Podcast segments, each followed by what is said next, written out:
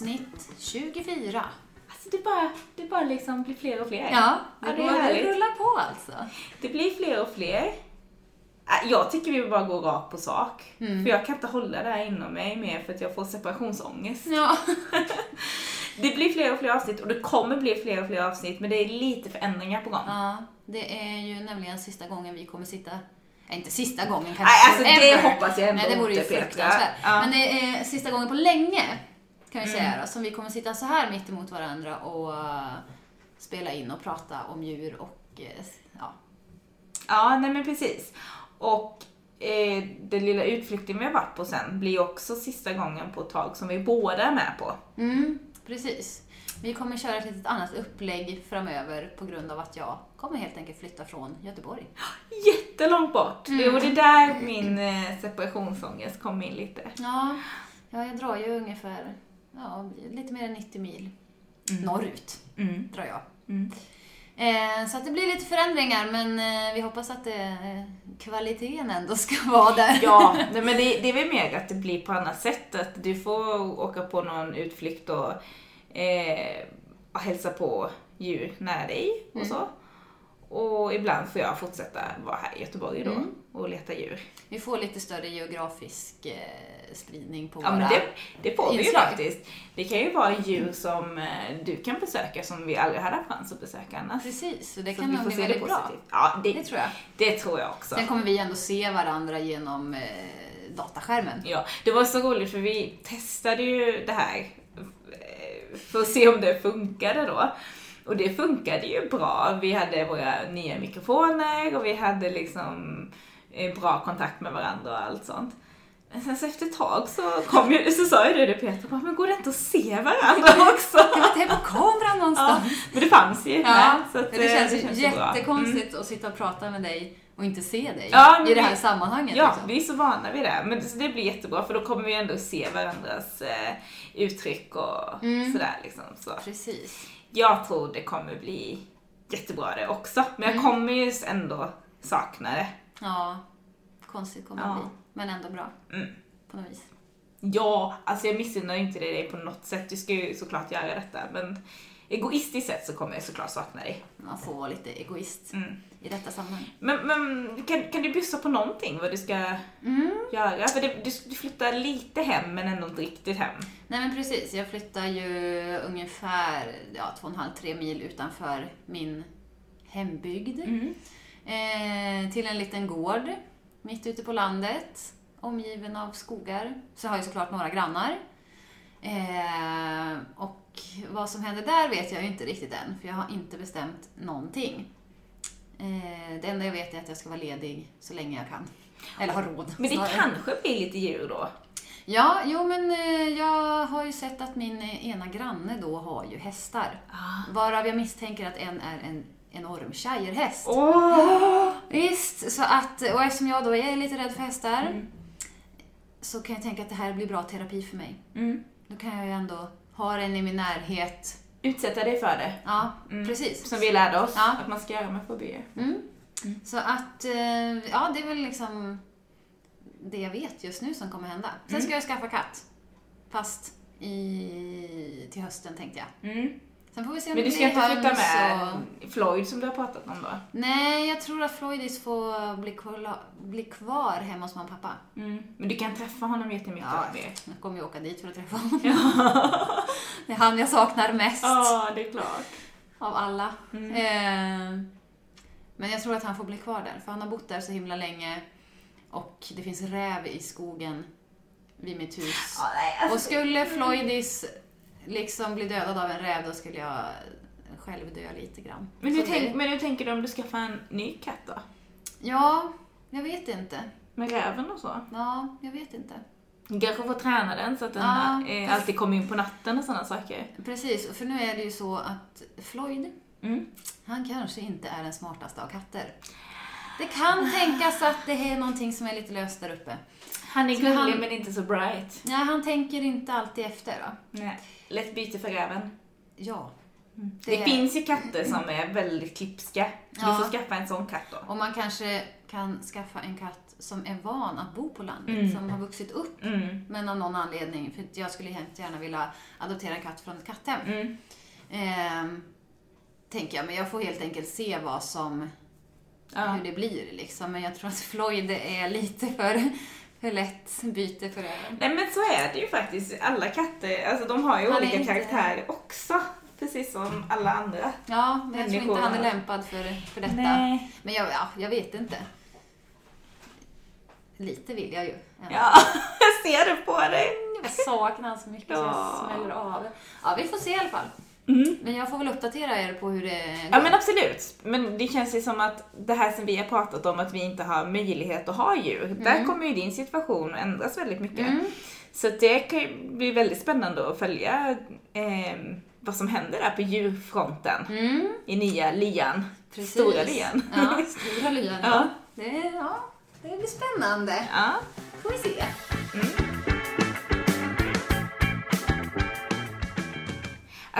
Jag tänkte på det här, eh, det kanske inte handlar jättemycket om den typen av djur, men det här att du vill utsätta dig för eh, de här hästarna som dina nya grannar har, för det här med fobier och sånt.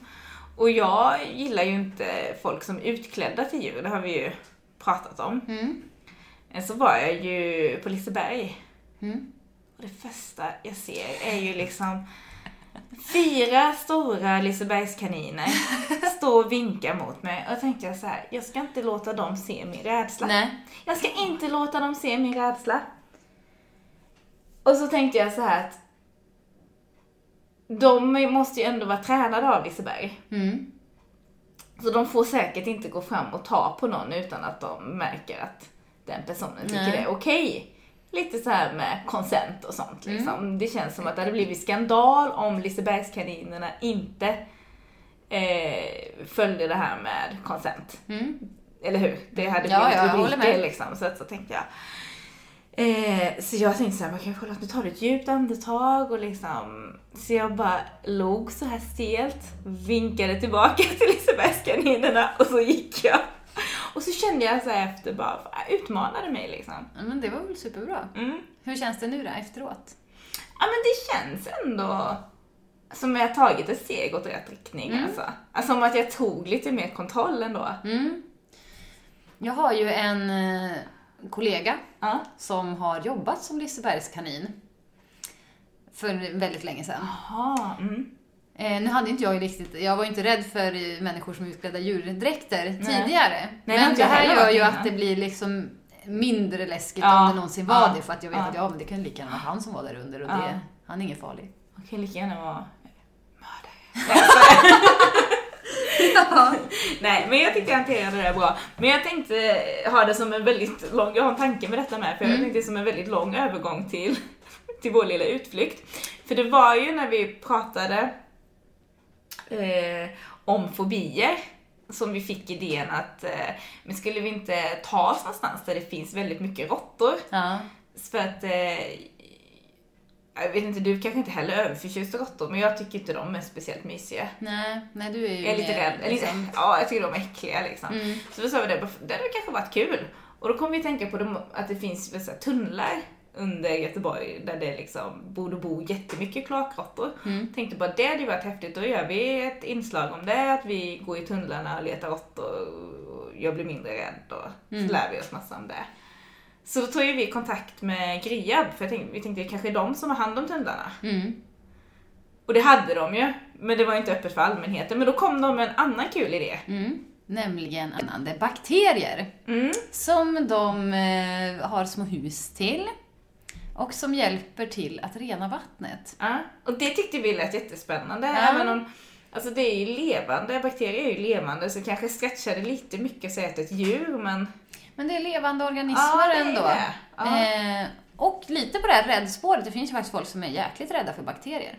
Faktiskt. det är faktiskt inte helt... Ja, det är inte helt så. Det är långsökt men det är ändå, ja. Så vi tyckte ändå att det lät väldigt spännande. Jag tänkte vi åker dit. Och sen tycker jag, jag alltid velat åka till Griab. Mm, ja, du Ja. är ju väldigt eh, intresserad av reningsverk. Ja, jo, men säga. är ju det. Jag är ju, min pappa jobbade ju på reningsverk och jag sommarjobbar på li, litet reningsverk i, i Ronneby då, där jag kommer ifrån. Mm. Så som jag har alltid varit såhär, det här stora, stora reningsverket. Mm. Ehm, var häftigt liksom att få besöka det. Mm. Och det var häftigt. Ja, det var det ju Vilken verkligen. anläggning. Det var ju, kan dra bara lite fakta kanske så, som jag tyckte var bara wow. Alltså, att det är sju kommuners av, Vatten. av vatten som de tar hand om. Mm. Eh, och vad sa hon var från över 700 000 personer då? Var det det? Mm. Oj. Ja, det var fyra, i snitt 4 000 liter som renades per sekund. Mm. Jag ska gå in på Och det är ju en enorm siffra. Ja men alltså det är ju, jag, jag ringde och pratade med min pappa sen Mm. och var såhär kaxig. Åh, vet du hur många liter vatten per sekund? Han bara, nej, det, jag kan inte gissa det, sa han ju. Så han, han rycktes inte med riktigt i detta då. eh, men, ehm, eh, men så frågade jag bara, men vad hade ni? Hur mycket hade ni liksom? Det kommer ju inte han ihåg, han är ju pensionär nu. Och så försökte vi räkna på det, men det är ju jättesvårt. Men här kan man faktiskt se, såg jag nu på hemsidan, vi gick in här nu för att se lite. Då står det ju här att det normala flödet ligger på ungefär 4000 liter vatten per sekund, precis som du sa Peter. Eh, men sen så kan man också se flöde till, till, till RIA-verket just nu. Alltså man kan se Exakt flöde Ja. just nu. 3413 liter i sekunden är det just nu. Se där. Om du går på toa nu, nej jag skojar. Ska se om det går upp. Om vi går in och spolar lite nu. Nej, riktigt så funkar det nog inte. Men ändå. Eh, det är ju väldigt häftigt. Ehm, Men i- i det här reningsverket så fanns det ju olika bäddar i alla fall, olika bassänger där vattnet då slussas igenom. Och i vissa av de här då så bor de här bakterierna, de har små hus Mm. i de här bassängerna så att de ska trivas och för den delen inte spolas med vattnet ut i havet igen. Och då liksom, de får ju mat där och bor där för att eh, ta hand om våra vatten, Mm. helt enkelt. Våra smutsiga vatten. Bakterier kan man, kan, kan man tänka att det är klart man inte kan se dem med blotta ögat, men husen kunde man ju faktiskt se. Ja, det kunde man se. Mm. Och vi fick ju se filmer som vi kommer lägga upp på Instagram på hur de här bakterierna ser ut och man kan se när de äter. Mm. Och när man ser dem då så, visst de var väldigt uppförstorade, men när man ser dem så, då tycker jag de ser ut som djur. Ja, faktiskt. Det, så är det. Ja. Men vi träffade ju då Sofia Kullberg som eh, jobbar på reningsverket.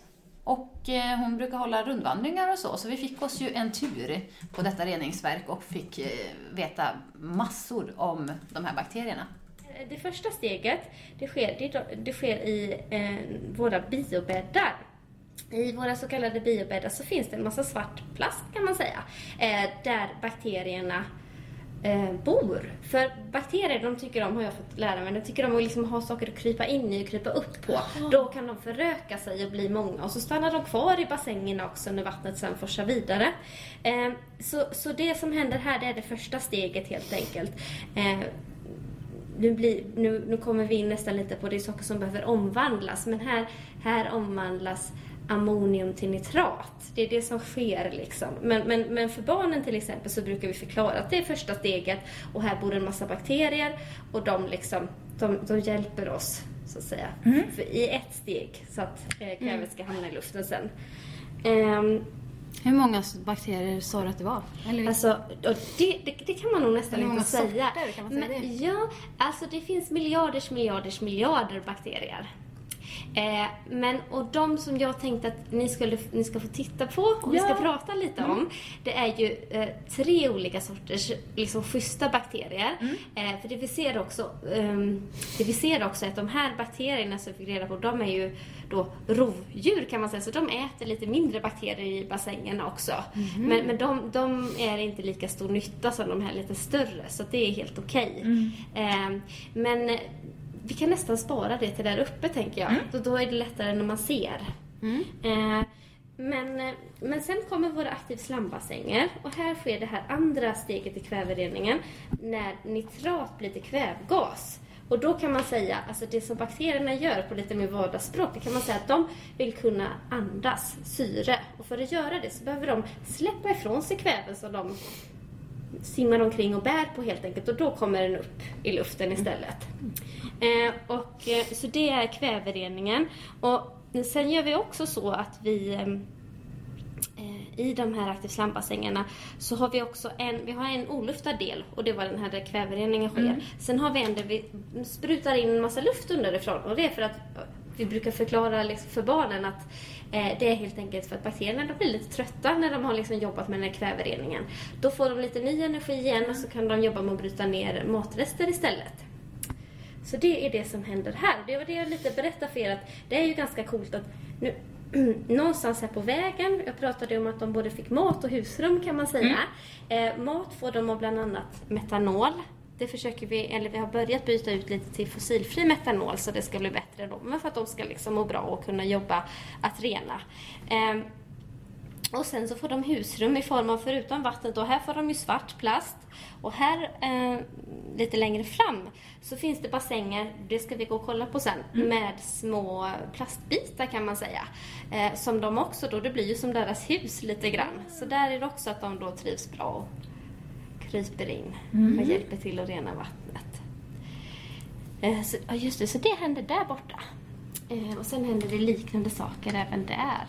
Eh, där på slutet kan vi ta lite, för det är inte så mm, bakterierelaterat, men här har vi våra sista bassänger eh, efter sedimenteringsbassängerna. Här kan man säga att man också till viss del saker sjunker till botten. Men vi tillför också lite mer fosfor just det här för att eh, inte, om vattnet är för rent så, så jobbar inte bakterierna. Så det är liksom att ha en balans där. Så här tillsätter vi lite fosfor också. Samtidigt som vi liksom har koll på, på reningen. Eh, och sen, det skulle vi ju kanske, det kommer ni se på håll sen. Här borta som är det sista steget, det är eh, vår skifilteranläggning. Och det är, där inne så har vi ja, jättestora runda filter som funkar som kaffefilter ungefär kan man säga. Där vattnet strilar igenom och så försvinner de sista partiklarna av fosfor. Och sen så åker vattnet ut eh, via rör då ut till havet. Eh, Det släpps ut kan man säga i mynningen, alltså i älvens mynning ut i havet. Mm. Så där har vi en sån snabb. Men om man säger att eh, vi går på toa hemma, bor i Mm. Göteborg. Hur lång tid tar det då för vattnet att ta Ja. sig hela biten ut i havet? Eh, och det är ju en jättebra fråga och en vanlig fråga Ja. som man brukar få. Och det är så svårt att svara på för det beror ju på var någonstans man bor. För Ja. vi renar ju från Ale och så renar vi från centrala Göteborg. Så det kan man tänka sig att det Jag bor vid Wieselgrensplatsen. Ja, och då kan jag tyvärr inte säga liksom olika. Men det jag kan säga, det är att om vi, om vi ser vattnets väg från start till mål här på verket, i själva reningsprocessen, så pratar man om att det tar 10 till 12 timmar ungefär. Mm, det var mycket det- fortare än jag trodde. Ja, Så jag det- trodde det var någon vecka typ. Mm. Men, men, men, eh, men det är faktiskt så att om vi brukar säga om man, skulle, om man skulle rena vattnet på naturlig väg, då skulle det ta ungefär tre veckor istället. Och med naturlig väg då får man ju säga, alltså vi, eh, de tre reningarna som vi använder oss av är ju dels mekanisk rening och då är det det här att vi liksom tar bort skräpet liksom mekaniskt. Eh, Och sen så har vi den kemiska reningen, det är det här att vi får tillsätta en del bra kemikalier som ska hjälpa reningen. Och sen har vi den biologiska reningen, alltså det här att så bakterierna finns ju alltid i vattnet men till exempel är vattnet ganska varmt och det gör att de trivs och vi matar dem som sagt och vi har olika material så utan allt de här tre sakerna så hade det tagit tre veckor. Men det är inte konstigt att de är så många bakterierna då. Nej. När det går så fort. De får jobba på. De får verkligen Ja. jobba på. Och som sagt att de verkligen vi, vi ror om dem liksom så att de ska trivas. Mm. De är viktiga, ett viktigt steg förstår vi här ju. Ja, de är jätteviktiga. För just eftersom det är de som, som gör den här omvandlingen som gör att, att kvävet kan försvinna från vattnet och inte behöva liksom gå ut. Så att de är absolut eh, våra nyckelspelare. Men de här bakterierna, har de liksom kommit dit av sig själv? Att de bara börjar gro där? Ja, nej, men det kan man säga att det finns naturligt liksom i avloppsvattnet. Exakt, jag kan tänka mig att olika bakterier kommer från olika ställen. Men det är ju eh, ett liksom, smutsigt vatten ändå. Så att, och då, då, då, då trivs ju bakterier extra bra då. Men då har vi det så bra så att de ändå gör nytta också. Eh, och sen så har man ju säkert eh, testat, det här är inte jag mm, liksom, helt säker på hur det går till, men man har ju precis som i andra branscher så, så utvecklar man och forskar och testar hela tiden. Så jag kan tänka mig att man säkert har liksom tagit olika steg till man kommit fram vilka bakterier som gynnas av vilken, vilka metoder och sådär. Mm. Och så byggt små hem då så att de vill Ja. stanna kvar. Ja, men precis. Men det blir väldigt tydligt också tänker jag när du berättar så här att eh, det hade blivit övergött i havet och sånt annars. Alltså också att de här bakterierna hjälper ju djuren som bor i havet på något sätt. Precis. För annars hade ju inte de trivts alls bra. Nej, det var faktiskt också en väldigt bra förklaring. Så att det, det kan Jag har man faktiskt kollat på er film. Ja, vad härligt. Du vet när de är i... Ja, men den är... Ja, den är bra. Den är Det bra. en massa barn. Jag vet inte, jag pratade om det. Jag glömde Ja, skicka jag länken till dig. titta på Ja. den tyvärr. Ja. Nej men alltså att då, för att eh, jag tänker om vi ska ha djurperspektivet så är det ju att eh, de här bakterierna gör ju nytta för de större djuren då. Eller om man ska Det kan man absolut säga. Jag för, förklarar det här för mina barn där hemma, då har Mm. jag en treåring bland annat. För liksom börja det här att när man spolar någonting då kommer det till mammas jobb. Vad gör mamma liksom? Jo men hon tar hand om bajset, det, det gör jag. Mm. Och då skulle jag förklara att vi får ta bort bajset och även liksom annan smuts för, för att fiskarna ska må bra. Mm. Så där liksom är ändå en väldigt enkel koppling att visst det handlar ju om fiskar och liksom eh, Mm. eh, andra levande arter i havet och även andra växter och så. Mm. Ehm, Så ni ska få följa med mig och eh, kolla eh, på en film om Ja. de här bakterierna. Spännande. Ja, nu ska jag visa lite filmer. Ja, jag är jättespänd. Ja, och eh, då ska jag berätta att det, det som vi ser, de är, de är filmade i mikroskop i labbet här på Gryab. Eh, och de är förstorade ungefär mellan 100 och 400 gånger. Mm. Eh, och eh, de tre som, som jag kommer berätta lite mer om, det är liksom, för då har vi valt ut tre bakterier som gör väldigt stor nytta. Och några kallas för eh, fastsittande ciliater eller klockdjur. Och då ska ni få se en bild här. De ser ut, faktiskt, de ser ut som små klockor kan man säga. Och i de här aktiv slambassängerna, så jag berättade ju att där så gjorde bakterierna om, de gjorde så att kvävet hamnade i luften Mm. och de tog också hand om eh, våra matrester. Så där finns de och de jobbar. Eh, och det de gör är att de äter upp andra pyttesmå bakterier eh, som finns i det organiska materialet. Organiska det var det här bland annat matrester och sånt. Och det är jättebra. För vi, vi vill ju liksom ha bort det här. Så det är det de gör.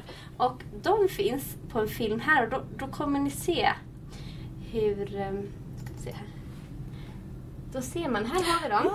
Ah. Och då kommer man se här snart, nu är det inget ljud på här, men man ser att här är det en massa andra minismå. Ja, och de rör lite på sig en Och bit då bort. kommer ni snart se att något händer här. För att det ser... Ah. Det är liksom... Den suger i sig och nu kommer det fram, den har så små flimmerhår. Ja. Ser man. Och då ser man liksom hur den suger i sig de här små bakterierna. Jag tycker det är jättecoolt. Den har Ja, som det verkligen är en kraft. jättetydligt. Alltså då, det är ändå en bra ser. bit i- ifrån som den klarar av att suga i sig de här Mm. mindre Så bakterierna. man kan beskriva att det ser ut som en nästan som en liten, oj, som Mm. en liten blomma. Som har eh, någon slags eh, små hår längst ut som är munnen. Mm. Och så med hjälp av de här flimmerhåren så suger den i sig små, små prickar som då är andra bakterier. Den rörde ju på sig rätt mycket. Den gjorde Ja. någon sån. Den- Kröp den- ihop och precis. sträckte ut Den sig har ju som en liten skälk här som sitter fast. Det är därför de kallas för fastsittande celiater.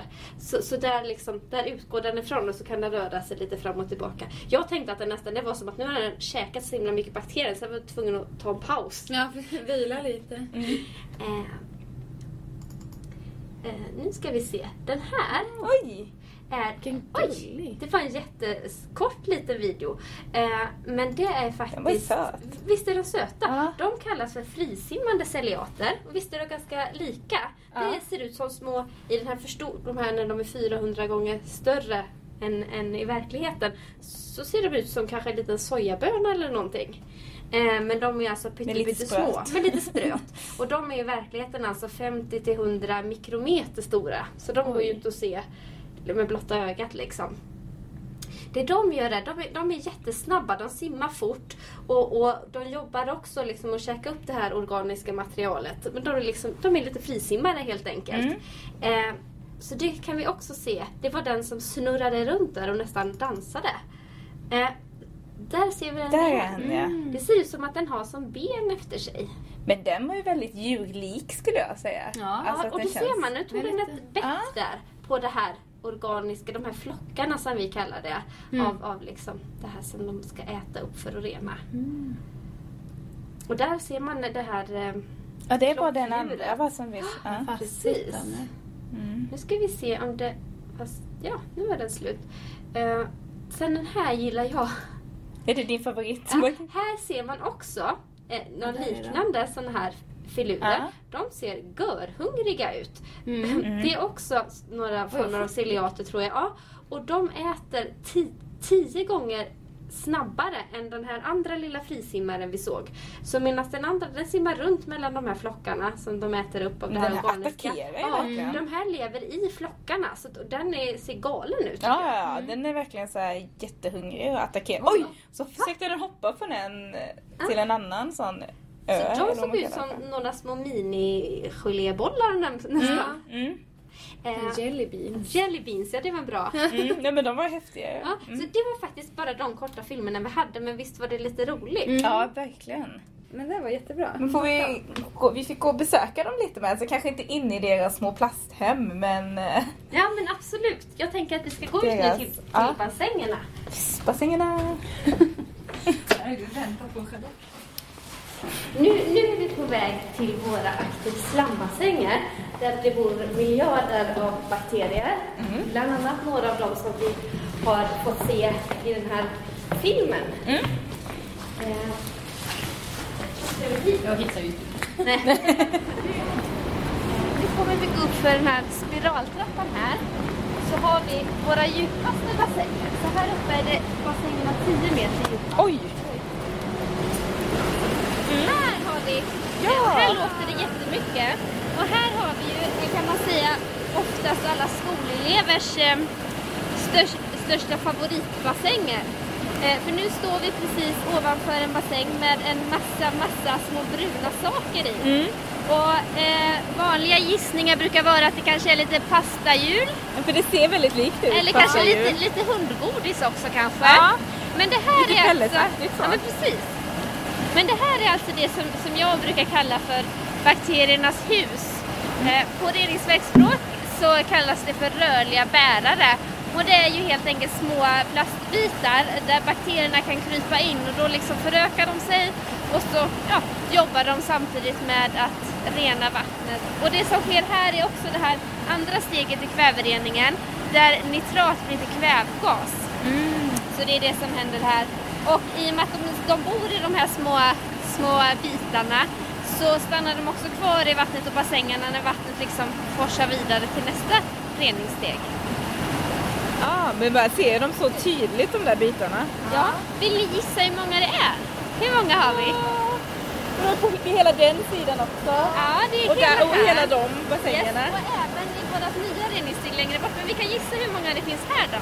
Herregud, det måste vara Ja, det måste ju vara ja, hur, ja, flera miljarder. Det var en bra spontan gissning bara Eh, sådär. 500 miljarder. Nej, jag själv vet inte. För mycket. Fem miljarder då. Ja, men det var en bra gissning. Ja, 4,6 miljarder. Ja. Har vi här och tillsammans, Ja, det var med perfekt, våra, ja. tillsammans med våra nyaste bassänger så har vi 6 miljarder bärare ungefär. Ja. Ja. Vil- Vilka var dina favoritbakterier av de här tre vi fick se?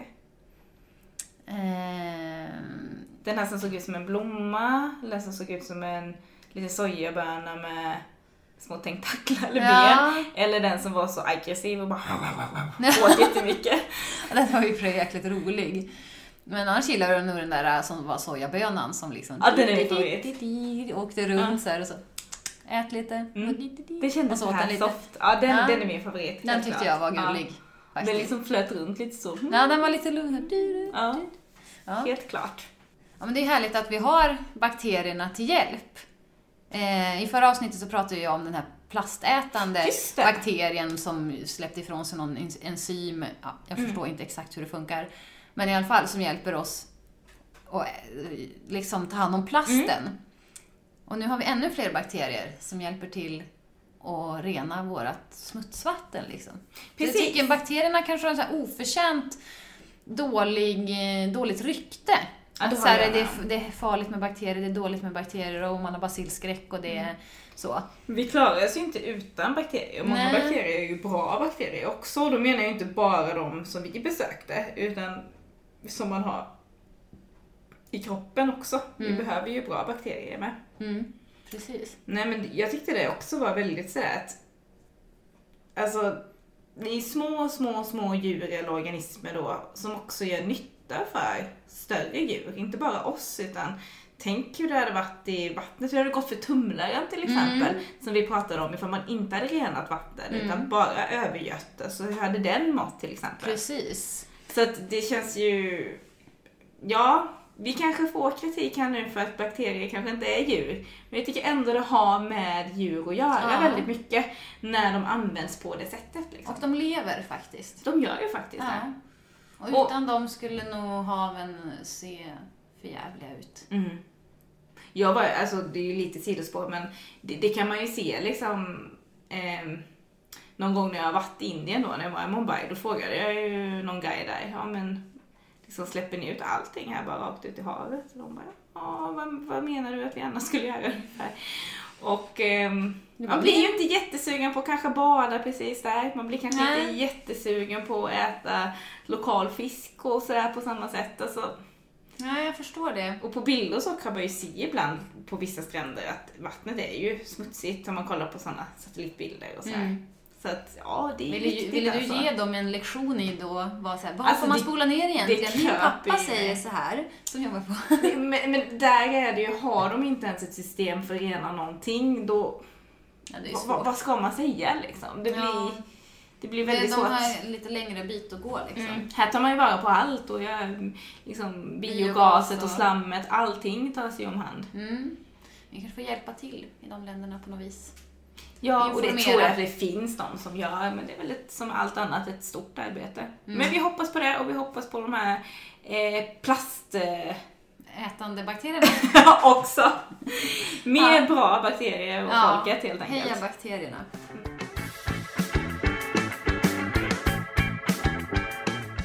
Avsnittets djur som också bor i havet, som också Yes. bor i havet, bor i havet. Där fick jag till det. Ja.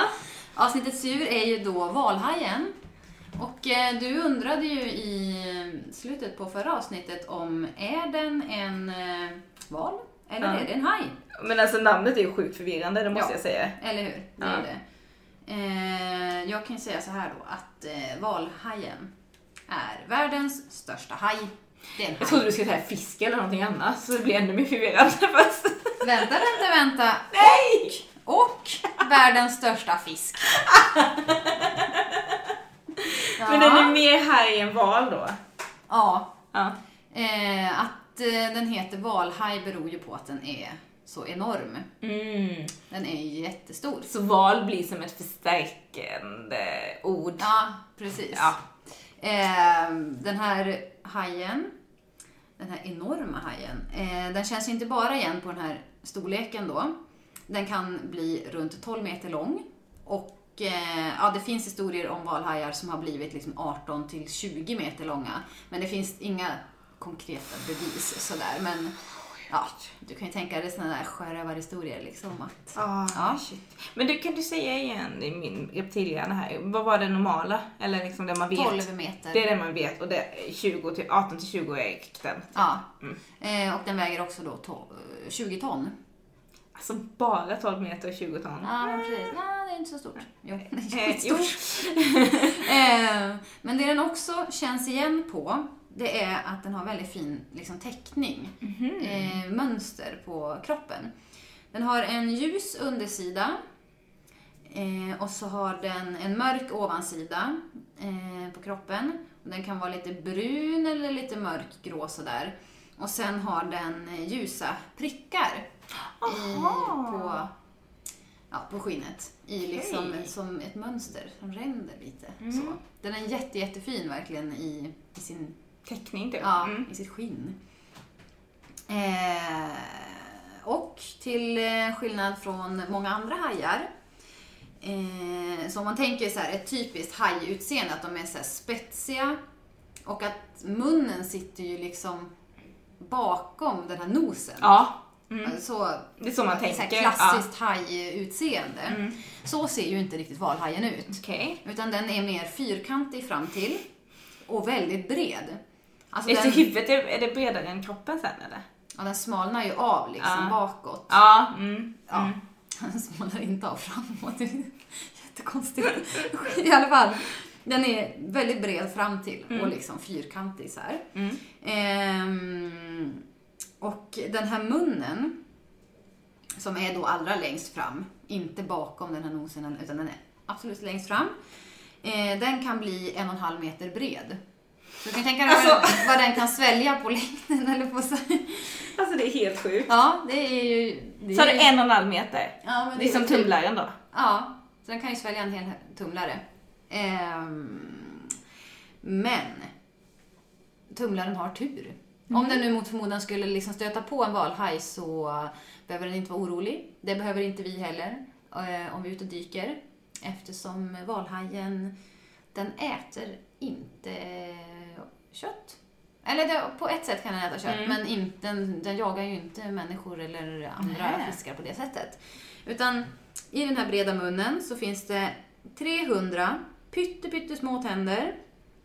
Men den använder inte den för att bit, dem för att bitas eller någonting. Eh, utan eh, eftersom den är en fredlig val så eh, äter den mer liksom plankton. Så det kan eh, liksom bli småfisk eller Mm. liksom räkor eller något sånt Men där. är inte den här du, du, du, Nej. Nej, Nej. utan det är mer, ja, tänk dig någon lugn, vacker sång. Och så glider Är den fram. lite plankton? Så, Ja. exakt så Mm. tror jag det är. Mm. Mm, mm, mm. Men det måste ju vara enorma mängder om den är så stor liksom. Ja, den, eh, det står inte så jättemycket om just det, för att eh, den här är väldigt hemlig. Den här Ah. valen. Den är lite av ett mysterium. Man vet inte sådär supermycket om Nej. valhajen. Men jag har försökt grävt fram så mycket jag kan i alla fall. Gött. Eh, men den verkar i alla fall eh, vara ganska obrydd. När det, alltså om en människa Mm. skulle snorkla bredvid den eller så. Mm. Eh, så att eh, se den på nära håll är inte så svårt liksom, om man är ute och dyker och så. Mm. Men sen kanske att kartlägga deras liv, eller deras livscykel så där, Ja. cykel, eh, är svårare. Mm. Ehm, men eh, jag tycker ändå att man får visa respekt och inte komma för nära. Ja, Alltså, det man- tycker jag för alla djur. alla djur. Mm. Så. Ehm, den klassas ju som sårbar. Mm. Eh, många djur känns som att de är Ja, sårbara. men verkligen. Ehm, för det är ju så att eh, den eh, jagas för sina fenor och för köttet och så gör man olja av fettet. Eh, och det finns en efterfrågan på det. Eh, men den här efterfrågan har minskat. Det är bra att den har minskat ändå. Mm. Eh, för det håller på att liksom se, ske ett eh, skifte. Så att valhajen håller på att bli mer värdefull levande än om den är död. Och Jaha. här kommer vi in på det här med dykningen igen. För att även om jag då tycker att man ska hålla Mm. keep your distance. Mm. Eh, just det här med att dyka med valhajar har blivit väldigt populärt. Mm. En stor turistgrej. Ehm, och ehm, det gör att man tjänar ju bra pengar på på att erbjuda den här typen av eh, ja, dykturer. Mm. Mm. Eh, vilket gör att man också kan skydda arten på ett sätt från jakt Mm. för att den blir ju då mer värd levande än död. Eh, men det här måste ju göras på rätt sätt såklart. Ja, det är klart. Det kan ju inte ändå... vara hundra dykare och en valhaj. Liksom. Nej, men det blir ändå bra trend ändå. Alltså det är ändå bättre att vilja se Mm. den levande än att typ jaga den ändå. Mm, man vill äta en hajfena. Mm. Eh, men det har vi ju lite tur då, för WWF Mm. de arbetar med att det här ska gå till på ett rätt sätt. Bra. Mm.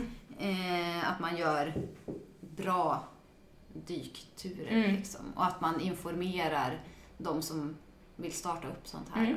och, och så, så att det ska gå till på Det är rätt sätt. jättebra. Väldigt, väldigt bra.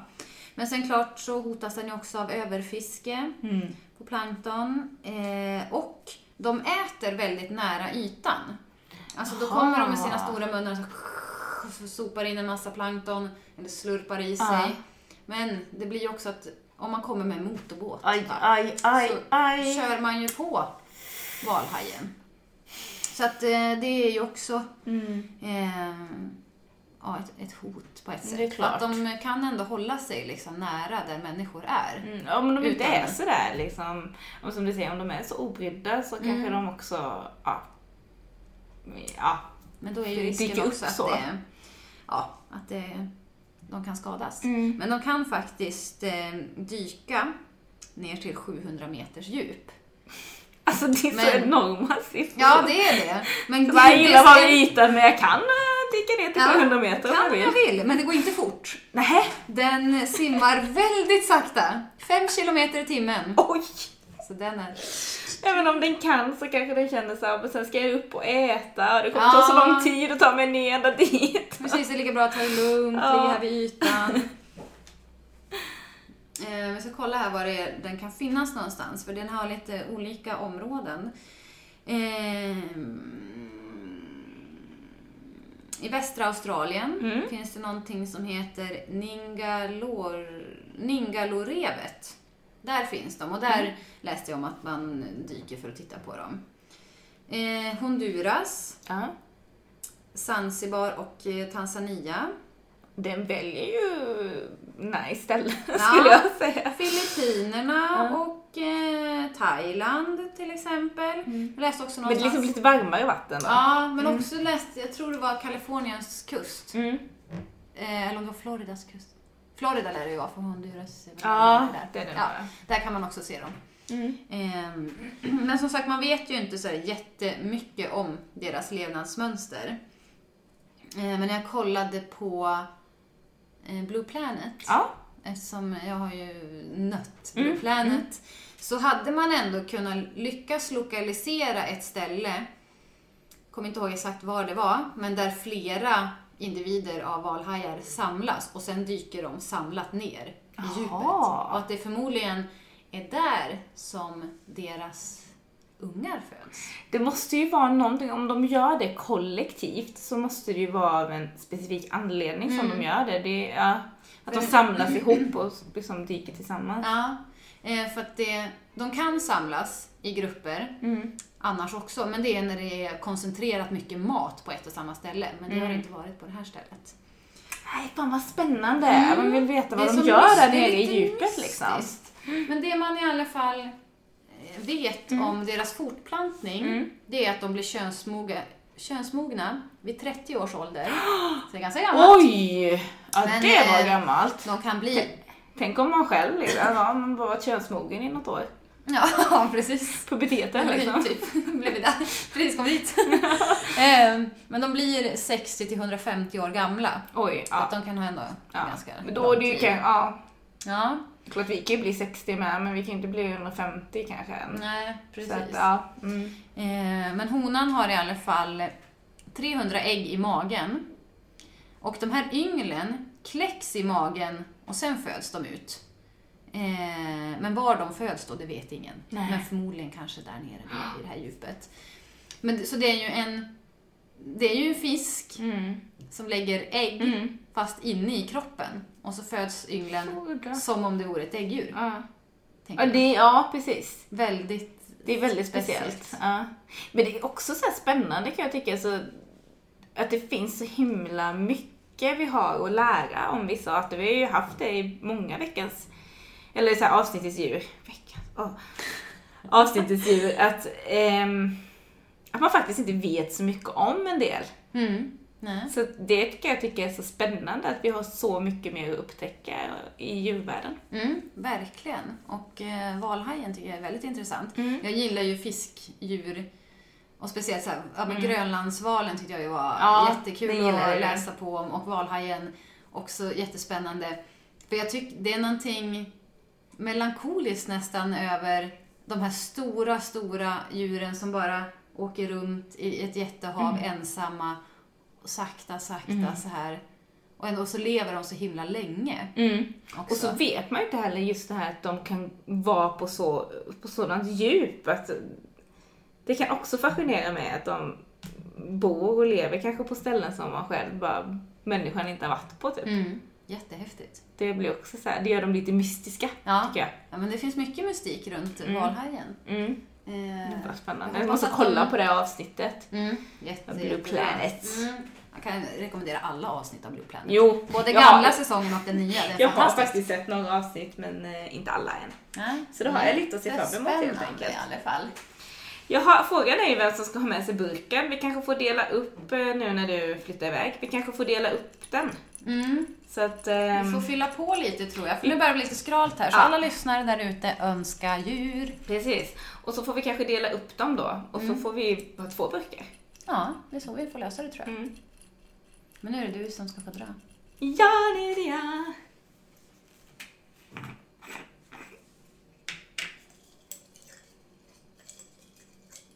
Jag får inte tag på någonting.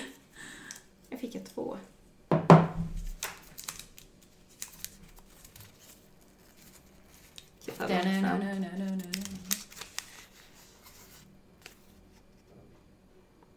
Mufflonfår.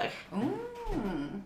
Det var ett landdjur, det var ju länge sedan. Ja, och får som du gillar. Ja, men det är bra. Ja. Kanske jag ska skaffa mufflonfår på min gård. Eh, jag tänker så att du kanske kan avvakta till nästa avsnitt. Ja, så kan jag För då kanske du det. eh, vet lite mer om du vill skaffa just mufflonfår eller inte. Mm, sant. Så du kanske kan ha lite tålamod. Ja, jag ska Typ två försöka. veckor eller Ja, någonting. jag ska försöka.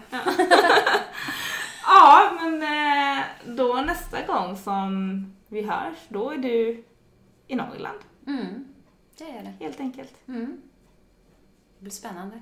Ja. Hej då Petra! Ja.